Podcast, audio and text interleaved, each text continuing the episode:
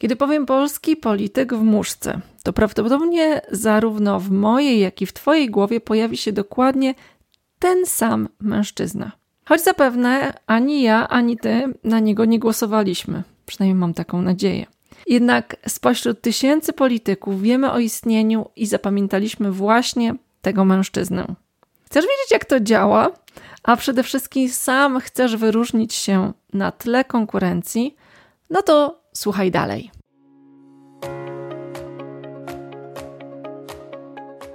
Cieszę się goszcząc Cię w kolejnym odcinku podcastu. Dla tych, co mnie jeszcze nie znają, nazywam się Angelika Chimkowska i jestem strateżką silnych marek osobistych i firmowych. Cel tego podcastu to silni w praktyce. Zero bullshit bingo, same konkrety i działanie. Krótko i na temat.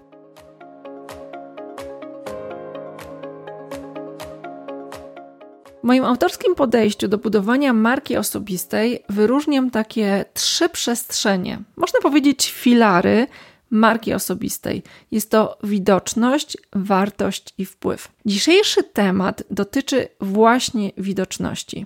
W marketingu, takim tradycyjnym marketingu, marketingu marek, mówi się o pozycjonowaniu i różnicowaniu. Te mechanizmy można również wykorzystać do lepszego komunikowania, właśnie i pozycjonowania marki osobistej. A w tym wszystkim jest ważny pewien temat temat unikalności, autentyczności i spójności, a przede wszystkim tego, że każdy z nas jako człowiek ma osobowość, która jest unikalna. Każdy z nas jest inny. I o tym, jak tą inność pokazać, podkreślić, powiem Wam na przykładzie trzech takich taktyk, które używa się w marketingu i które są łatwe do zastosowania. A dlaczego mówię o inności, a nie o tym, że my jesteśmy lepsi, wspanialsi, bardziej profesjonalni? Dlatego, że uważam, że inny jest lepszy niż lepszy. Sally Hogshead powiedziała takie właśnie bardzo fajne stwierdzenie a propos pozycjonowania, o tym, że inny jest lepszy niż lepszy, bo inny nie próbuje zmienić cię w coś lepszego. Inny pozwala podkreślić pojedyncze cechy, które już masz w sobie. Niekoniecznie jesteś lepszy od swojej konkurencji, ale już na pewno jesteś inny. I Mówiąc o tych trzech sposobach, pierwszy z nich to trochę już o nim powiedziałam, mówiąc o muszce Korwina-Nike, w marketingu nazywa się to artefakt, czyli używamy. Czasem to są hasła, czasem to są slogany, kolory, rekwizyty, broszka, długopis, okulary, czerwone włosy, czerwone okulary. Od razu wiecie, o kim mówię.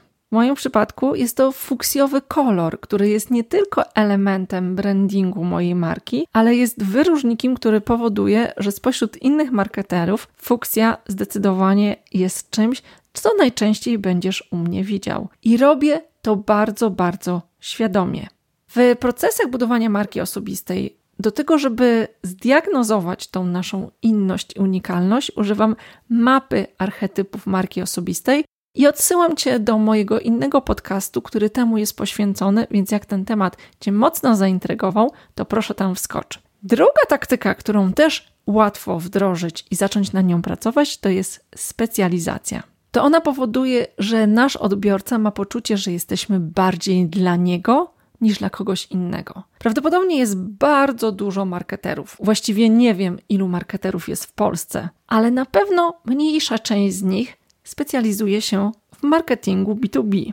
I to może być pewnym wyróżnikiem, natomiast jeszcze mniejsza część marketerów specjalizuje się na przykład w marketingu prawniczym. I taka specjalizacja z jednej strony wskazuje na to, że jesteś inny, wyróżniasz się, z drugiej strony ktoś, kto właśnie jest prawnikiem, ma poczucie, że jesteś specjalnie dla niego.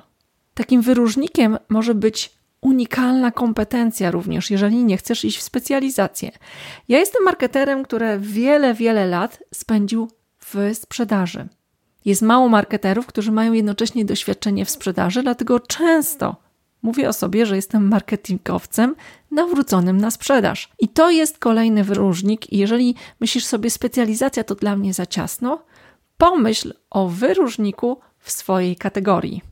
I trzecia rzecz, trzecia taktyka, którą relatywnie łatwo jest wprowadzić, pod warunkiem, że jest prawdziwa i spójna z tym, jaki albo jaka naprawdę jesteś, to są wartości. Wskazanie na to, dlaczego coś robimy albo czegoś nie robimy, jest bardzo dużym wyróżnikiem, który pozwala nie zginąć ci w tłumie.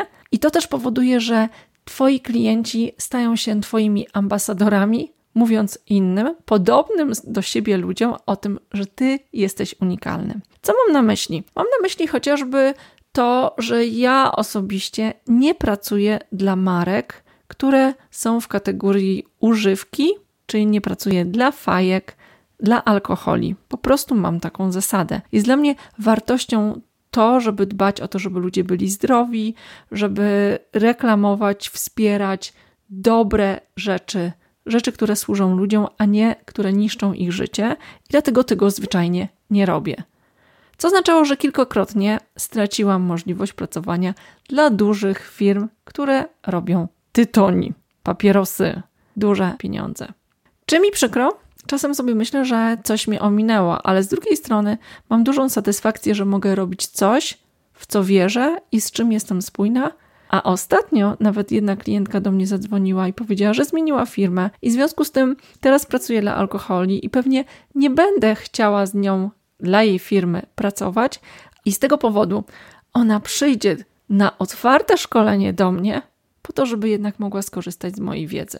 Przykładem wśród marek globalnych, jak popatrzysz, jest też Pariba, który wywiesił tęczową flagę i jasno wskazuje na swoje wartości. W tej kategorii to, co ja też osobiście robię, to na moich stronach, na stronie silnamarka.com znajdziesz taką informację, że ja poświęcam pro bono swój czas dla dwóch fundacji, dla Fundacji Marka Kamińskiego i dla Fundacji Batorego, która wspiera budowanie społeczeństwa obywatelskiego. I tyle, ile osób przeszkole komercyjnie, to tyle osób przeszkalam pro bono, inwestuję swój czas i energię po to, żeby właśnie robić dobre rzeczy, bo to jest z jednej strony mój wyróżnik, ale też coś, co jest dla mnie bardzo ważne. I mój klient, który może ma podobne wartości jak ja, będzie na pewno zadowolony z tego, że kupując u mnie, współpracując ze mną, wspiera te działania, które też są dla niego wartością. Czy kupuje z tego powodu? Nie sądzę, ale myślę, że to jest taki dodatek i wyróżnik, który z pewnością wyróżnia w tłumie.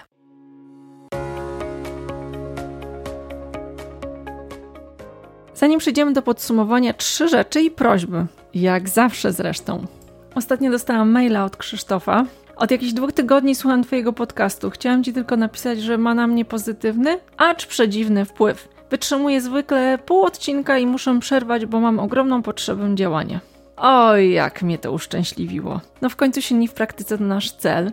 I chcesz wesprzeć innych, żeby zaczęli działać, to proszę oceń, dodaj opinię w Apple Podcast na temat tego podcastu, bo to pozwoli mi dotrzeć z tym podcastem do innych. Po drugie, chcesz, aby w kolejnym epizodzie pojawiła się odpowiedź na Twoje pytanie, to po prostu je zadaj.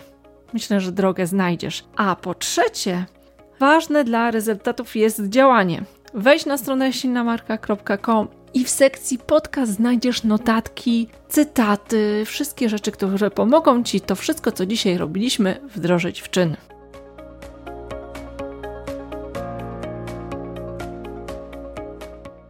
Podsumowując, wyróżnienie się z tłumu podobnych ekspertów czy firm można osiągnąć na różne sposoby. Te, o których mówiliśmy, to są artefakty, to jest specjalizacja i są wartości. A ja jestem ciekawa Twoich sposobów na wyróżniki.